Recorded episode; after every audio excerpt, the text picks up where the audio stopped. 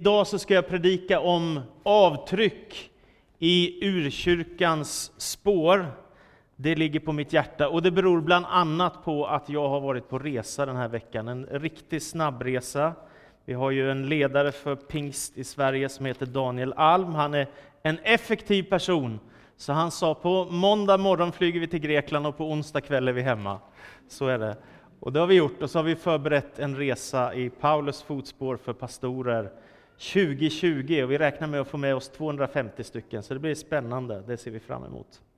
Men jag tänkte ta er med på en resa i Paulus fotspår och berätta lite om urkyrkan och vad som händer när evangeliet börjar landa i människors liv. Några år före Kristus, ungefär kanske 3, 4, 5 år före Kristus, så föds en man i Tarsus som ligger i sydöstra Turkiet.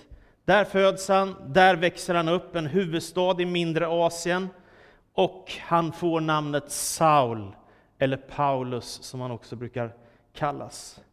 Med detta namn så framträder en person i världshistorien som kommer få helt avgörande betydelse för hela den kristna församlingen, för hela den kristna kyrkans utveckling och allt som kommer att hända i världen utanför Israels land som dit Jesus kom. Oerhört fascinerande. Han växer upp i en stad, i en from familj där han har föräldrar som älskar Gud och som lär honom att läsa de heliga texterna, Bibelns texter. De tar med honom till den judiska synagogan där han får lovsjunga och lära sig att be och där han får vara med och fira gudstjänst. Sabbat efter sabbat, år efter år under sin uppväxt. Men inte bara det, utan det är för att han är i ett land som är präglad av grekisk kultur. Han bor ju inte som jude i Israel, utan han bor i Tarsos, nuvarande Turkiet. Då. Så ser han också all den andra kulturen som finns runt omkring honom. Han möter människor som har läst grekisk filosofi. Han möter människor som dyrkar mängder av andra gudar. Och där han växer upp finns det en synagoga, men det finns också andra avgudatempel. Ett antal olika, där man dyrkar de grekiska gudarna, det som man kallar för mytologin idag, i vår tid. Det gör att han får insikt i alla möjliga sorters, alla möjliga sorters kulturer, erfarenheter och utbyten som han är med om. Han eh, växer upp på det sättet och få djup insikt i alla möjliga sorters kulturer och omgivningar. Han förstår att medan han dyrkar Israels Gud, som i Bibeln kallas för den enda sanne guden, så finns det andra människor här i omgivningen som dyrkar Zeus och Afrodite och Apollo och andra gudar och tillber andra gudar. I hela romarriket finns de här två kulturerna på samma gång och som möter varandra gång på gång. Han får alltså en unik insikt både i judisk tro och judisk kultur, och i grekisk tro och i filosofin och i avguderiet som han ser runt omkring sig. Han möter människor av olika kategorier helt enkelt och får djup insikt redan tidigt i sitt liv. Man tänker att ungefär när han är 15 år gammal så blir han skickad till Jerusalem. Och om man då tänker sig in i Jerusalem, om ni någon gång har varit där, du kan ta nästa bild, så är det ju en oerhört maffig stad. Om man kommer till Aten så ser man det här mäktiga Akropolis som en gång var ett avgudatempel. Om man kommer till Jerusalem så ser man platsen där Jesus har vandrat och alla de här fantastiska byggnaderna och en gång i tiden så stod ju Israels tempel där man dyrkade Gud, men som revs sen av en romersk kejsare. Så det här är också en fantastisk plats. Säkert har många av er varit där. Om du inte har varit det så ett hett tips att åka dit åtminstone en gång i livet och få se de här platserna där vi vet att Jesus har vandrat. Så kanske som tonåring så skickas Saul eller Paulus ifrån Tarsus till Jerusalem. Och i Jerusalem så får han en lärare. Och vet ni vad den läraren heter? Han heter Gamaliel. Nu är det lite deep här. Men han är en av de mest berömda judiska rabbinerna som finns i historien. Han är den enda som kallas för rabba, och det är alltså en helt unik titel. Han är mer insatt än de flesta andra. Där sätter sig Paulus, den unge Paulus, vid Gamaliels fötter. I Jerusalem får han undervisningen om heliga skrifterna och han sitter där vecka efter vecka, månad efter månad, år efter år och så tränger han in i Guds ordet och han får fördjupa sig i den judiska tron, i Gamla Testamentets skrifter. Och Det är ganska intressant också att Gamaliel, han är en av dem som möter urkyrkan tydligast. Och när hans kollegor där i Stora rådet i Jerusalem säger ”Stoppa den här Jesusrörelsen!” Vet ni vad Gamaliel säger? Då säger han, om det här är från Gud, då kommer ingen kunna stoppa det. Om det inte är från Gud så kommer det dö. Så säger Gamaliel. Så Gamaliel var en klok person. Och det finns en liten intressant historia här, som jag inte vet om den är sann, men det finns en nedtecknad berättelse att Petrus får döpa Gamaliel till Kristus, men jag är inte helt säker på att det är sant. Men det finns i alla fall nedskrivet på ett ställe i en bok. Det vore ju häftigt om det är sant. Så är det. Paulus sitter där. Han har ett mål. Han vill bli en välutbildad judisk farisé, en skriftlärd, en sån som kan lägga ut Bibelns texter, förklara vem Gud är, förklara löftena som finns i Bibeln och ge budskapet vidare till sitt folk. Därför sitter han hos Gamaliel för att fördjupa sig i sin tro.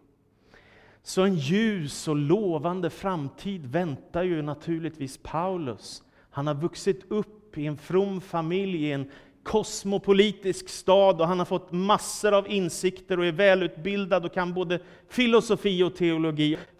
Så han får djupa insikter i tron helt enkelt. Det är bara det att det händer en sak och det är Jesusrörelsen som börjar bryta fram bland judarna. Det är oerhört fascinerande. Människor i tusental kommer till tro på Jesus Kristus. På pingstdagen vet vi att det är 3000 och när man i apostlärningarna räknar upp hur många som är troende så säger de kristna, du vet att det finns tiotusentals troende på Jesus här nu. Så framgången för evangeliet är enorm. Det är bara det att Paulus är inte riktigt lika generös och vänlig som Gamaliel. Utan Paulus, han har en hård attityd mot de kristna. Därför att han tänker, de här människorna är villolärare.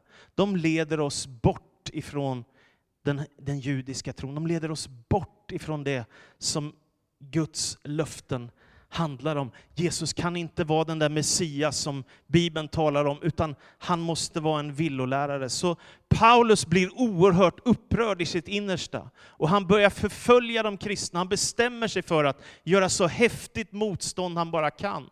Så när en av urkyrkans ledare predikar inför folket där, som heter Stefanos, då är Saul med där, eller Paulus. Och han är med om när Stefanos stenas till döds på grund av sin kristna tro.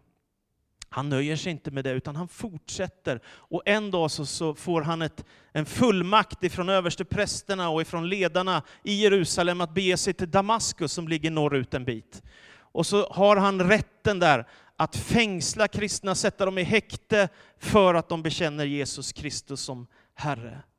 Det är bara det att det händer något på vägen ifrån Jerusalem till Damaskus.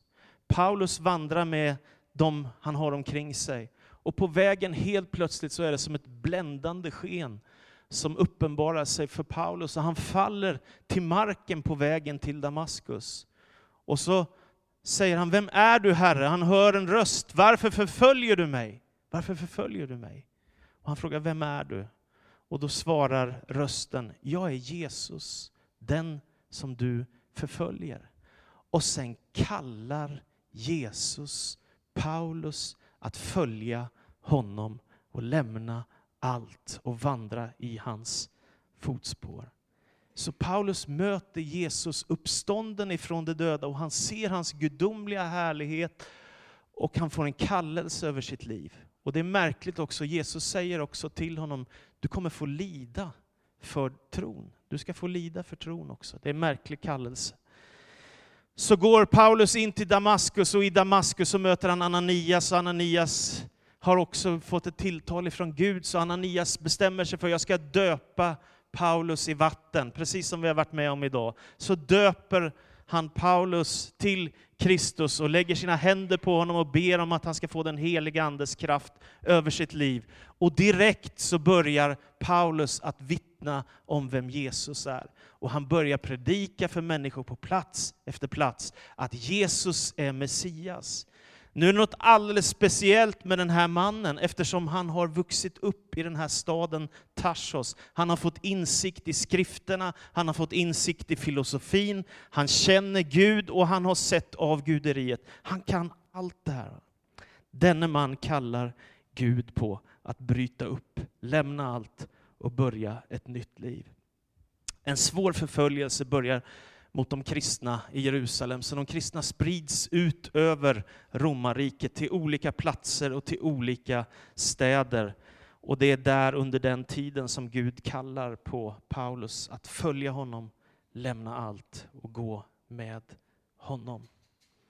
Sen är det några märkliga år. Paulus beger sig till Arabien.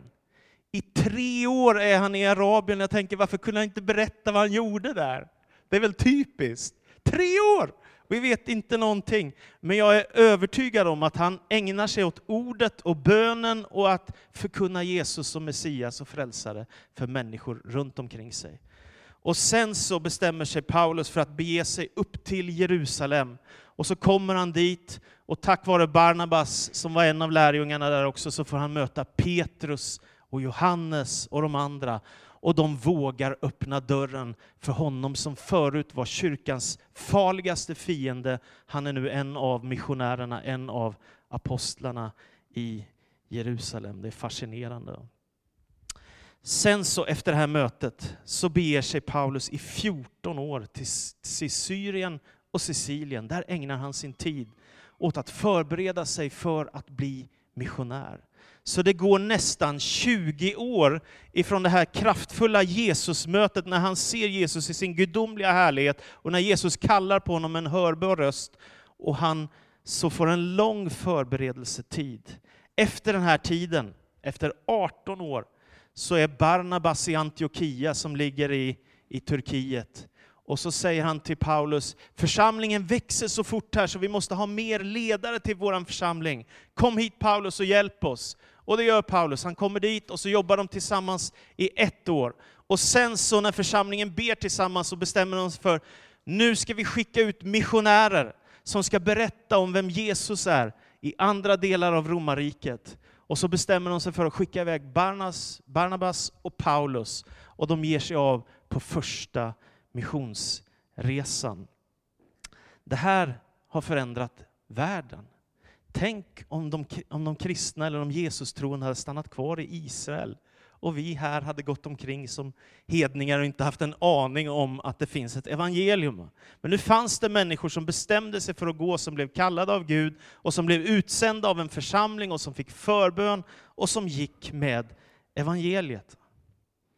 Det är när Paulus är på en av sina missionsresor som han kommer till Aten, där vi nu precis har varit på resa. Det är oerhört fascinerande. Och det står så här i Nya Testamentet, Apostlagärningarna 17, vers 16. Medan Paulus gick och väntade på dem i Aten blev han upprörd i sitt innersta när han såg alla de avgudabilder som fyllde staden. Han talade i synagogan till judarna och de gudfruktiga och på torget var dag till dem som uppehöll sig där. En del filosofer, både epikurer och stoiker, inlät sig då i diskussion med honom. Några sa, vad är det för visdomskorn den där har snappat upp? Var vill han komma? Och andra, han är tydligen en som vill införa främmande gudar. Paulus predikade ju budskapet om Jesus och uppståndelsen, och de tog honom med sig till Areopagen och sa, kan vi få reda på vad det är för ny lära du förkunnar? Det är besynnerliga saker du dukar upp för oss. Nu vill vi veta vad det är frågan om. Atenarna, liksom de främlingar som bodde i staden, ägnade nämligen all sin tid åt att tala och lyssna på det som var nytt för dagen. Paulus steg fram inför Areopagen och sa, Atenare, jag ser av allt att ni är mycket noga med religiösa ting. När jag gått omkring och sett på era gudabilder har jag nämligen också upptäckt ett altare med inskriften åt en okänd Gud. Det som ni alltså dyrkar utan att känna till, det är vad jag förkunnar för er. Gud som har skapat, him- skapat världen och allt den rymmer, han som är herre över himmel och jord, bor inte i tempel som är byggda av människohand. Inte heller låter han betjäna sig av människohänder som om han behövde något. Han som själv ger alla liv och anda och allt. Av en enda människa har han skapat alla folk. Han har låtit dem bo över hela jordens yta och han har fastställt bestämda tider för dem och de gränser inom vilka de ska bo. Det har han gjort för att de skulle kunna söka Gud och kanske kunna treva sig fram till honom.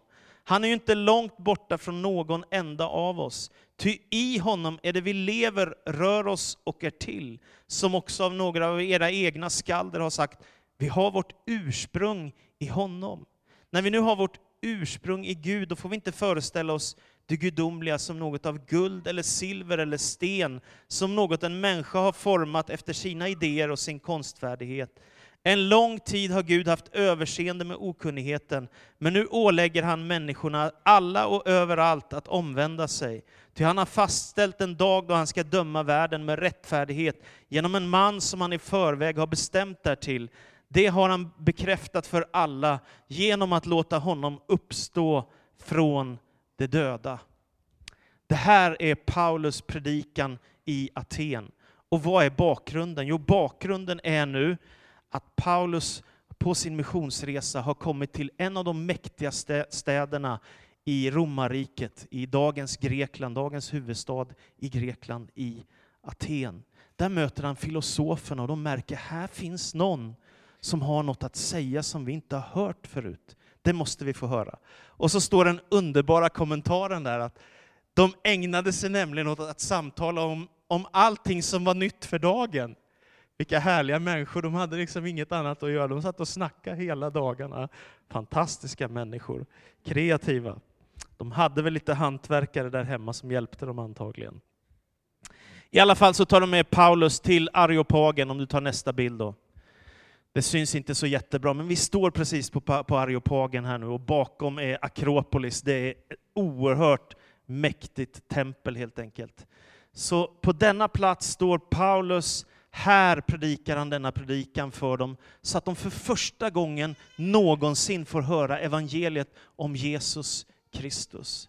Jag är övertygad om att många av dem kände till Israels Gud, att de hade hört talas om honom, och att de visste om det judiska folket och deras tro. Men Jesus var någonting nytt. Och nu kommer Paulus och predikar om Jesus som frälsare och som Herre och som Messias. Och det intressanta då det är att han anknyter inte här till Gamla Testamentets texter. Så hade Petrus till exempel gjort i Jerusalem när han predikade på pingstdagen och 3000 människor kom till tro på Jesus. Då kunde han säga, löftena som Gud har sagt, de har gått i fullbordan nu. Men när Paulus är på Areopagen här i Aten och predikar evangeliet, då utgår han ifrån deras filosofer. Är ni med? Så han kopplar till dem och säger, vi har vårt ursprung i honom. Det är i honom som vi lever, rör oss och är till. Paulus citerar deras egna filosofer. Här möter Atens vishet Jerusalems vishet. Och idéerna byts mot en person, Kristus. Det är oerhört mycket starkare. Och jag kan, tänka, jag kan tänka mig in i situationen, tänk er själva. Man kommer till Aten, här finns ett av världens största universitet, här finns mängder av välutbildade akademiker och filosofer, tänkare som har gått och funderat på livets olika frågor. Här finns epikuréerna som tänkte att livets största är att få njuta och här finns stoikerna som tänkte livets största är det att vara moralisk och hålla de goda buden och göra bra. Liksom, typ så. Han möter de här människorna. Och vilken utmaning att ställas ensam med sitt Jesusbudskap bland alla dessa välutbildade människor på ett berg i Aten. Vilken utmaning! Det är lite enklare att predika om Jesus i Jerusalem, där alla väntar på Messias. Det är lite enklare. Är ni med? Här står han nu och ska predika om Jesus för människor mitt i en romersk stor stad i dagens Grekland om vem Jesus är. Jag giss, gissar att han kände sig ganska liten och att det var ganska tufft, ensam med budskapet om Jesus. Och då kunde man tänka så här, det är ett fullkomligt omöjligt uppdrag, det här går ju inte. Här finns alldeles för många som har en annan tro. Här finns alldeles för många som dyrkar andra gudar. Här är alldeles för många som är för välutbildade och kan argumentera emot och säga ifrån. Det här måste vara ett omöjligt uppdrag. Det är bara det att det är inte det. Jag har vandrat på Atens museum den här veckan. Och där har jag sett Apollon och Afrodite och jag har sett eh, Hermes och jag har sett allt vad de heter. Är ni med? De är på museum. Och Jesus-tron har tagit över i hela Europa och stora delar av världen. Är ni med? Så det här som från början verkar som ett omöjligt uppdrag är så oändligt mycket starkare. Atens vishet kan inte motstå Jerusalems vishet. Kristus som frälser och räddar människor och ger nytt liv till människor, inte bara goda idéer. Och det är det här som människor kopplar sitt liv med och det är det här som människor överlåter sig till. Så här kommer de första till tro på Jesus Kristus i Aten, när Paulus har predikat evangeliet om Jesus. Jag tycker det är så fascinerande. Och Paulus skriver till en av församlingarna i Nya Testamentet, låt ingen göra er till fångar i de tomma och bedrägliga vishetsläror som bygger på mänskliga traditioner och kosmiska makter och inte på Kristus. Alltså det räcker inte med goda idéer. Det är bra med goda idéer. Det finns jättemycket bra inom filosofin, den finns ju fortfarande kvar. Medan gudarna är på museum finns filosofin kvar. Många goda tankar finns i filosofin. Men det är något unikt med evangeliet. Något alldeles unikt som bara finns hos Jesus Kristus i hans namn. Härifrån så går evangeliet vidare ut sedan, ut i Europa, ut i Asien, ut till Afrika. Det är fantastiskt. Och människor kommer till tro på Jesus Kristus i städer som denna. Och så byggs församlingar, så avskiljs ledare och så börjar evangeliet gro på plats efter plats i romarriket. Jag tar med dig till en plats till innan jag ska avsluta. Korint. Och det var lite omskakande att komma dit högst upp på berget där, det, det är ett stort berg, det är flera kilometer att gå upp ifrån Korints stad, upp till berget. Upp på berget i Korint så finns ett gammalt tempel. Och där uppe så bedrev man tempelprostitution. Flera tusen människor bodde där uppe och det enda uppdrag de hade var att gå ner till folket i staden och ha sex med någon för att få pengar. Inget annat uppdrag hade de. Det var det enda som var deras liv. Och vi hade en guide med oss där som berättade om, om läget i Korint. Och jag frågade honom, men, men du, hur, hur gick det då med alla kvinnor som blev gravida? Perfekt, sa han. De tog ju hand om de där barnen föddes in i tempelprostitution. Är ni med? Alla dessa små, små juveler som föds, föds in i ett helvete att ägna sitt liv bara åt prostitution. Fruktansvärt. Så det där finns. Då berättar guiden för oss också, välutbildad från universitetet i Aten, att det som börjar hända i Korint när människor kommer till tro, det är ju inte bara att det är greker och judar som tar emot Jesus och blir döpta, utan helt plötsligt så kommer prostituerade och kommer till tro på Jesus. Vad ska man göra nu? Om ni läser Korinthierbrevet så ser ni ganska stökig församling. Och det förstår man när man ser den här miljön. Va? Vad är det som händer? Jo, det som händer är ju att människor som ägnar hela sitt liv åt att, att, att vara prostituerade helt plötsligt tar emot Jesus som frälsare och Herre. Tror ni att de kunde få lämna prostitutionen? Nej, det kunde de ju verkligen inte. Så då berättar guiden för oss i Korint, det första, nämligen att alla prostituerade kvinnor hade skalade huvuden, alltså de hade rakade huvuden så man såg direkt vem som var prostituerad. Därför i församlingen så säger försam Paulus till församlingen, säger våran guide, att alla kvinnor, täck era huvuden. så att de prostituerade inte syns. Alltså det tar ju lång tid innan man får långt hår. Jag tycker det var mycket intressant att höra.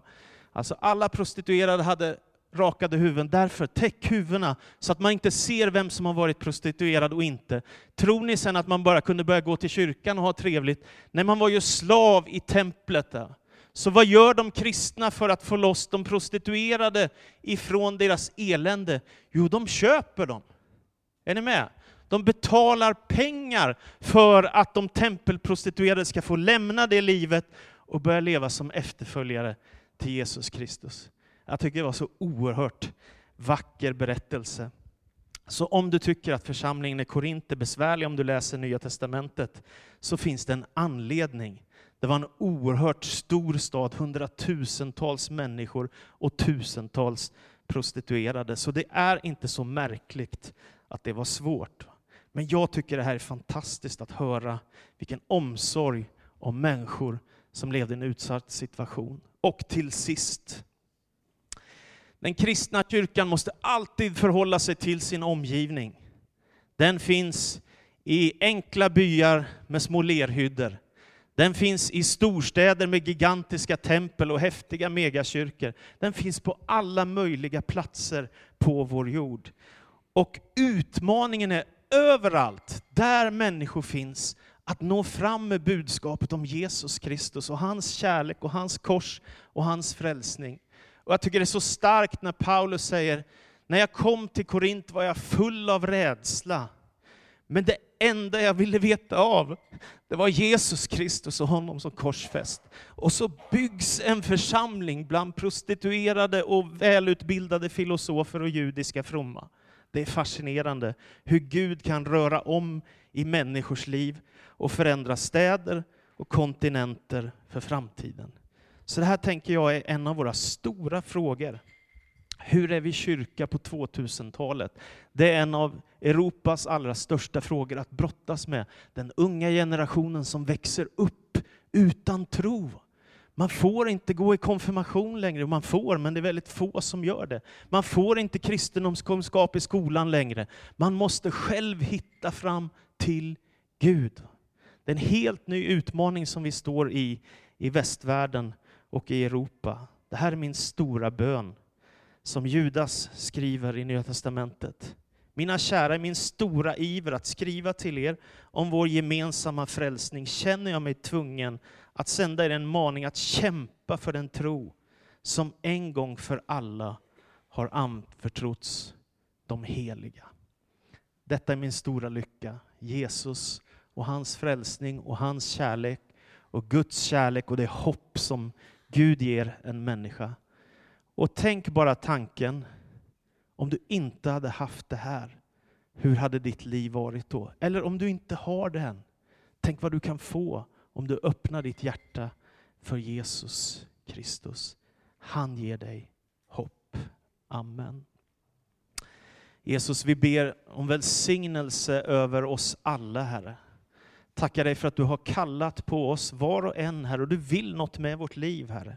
Någon av oss kanske har kommit långt i tro, någon annan stapplar och tvivlar och kämpar, vet inte vad man ska tro, Herre. Men tack för att du som du kallade på Paulus, så kallar du människor i alla tider, därför att du älskar människor och du vill frälsa och ge nytt liv och ge nytt hopp och ny mening, förlåtelse, gemenskap med Fadern i himmelen. Du vill ge hopp och kraft och liv. Och du vill ge oss det som vi längtar efter i vårt hjärtas allra innersta.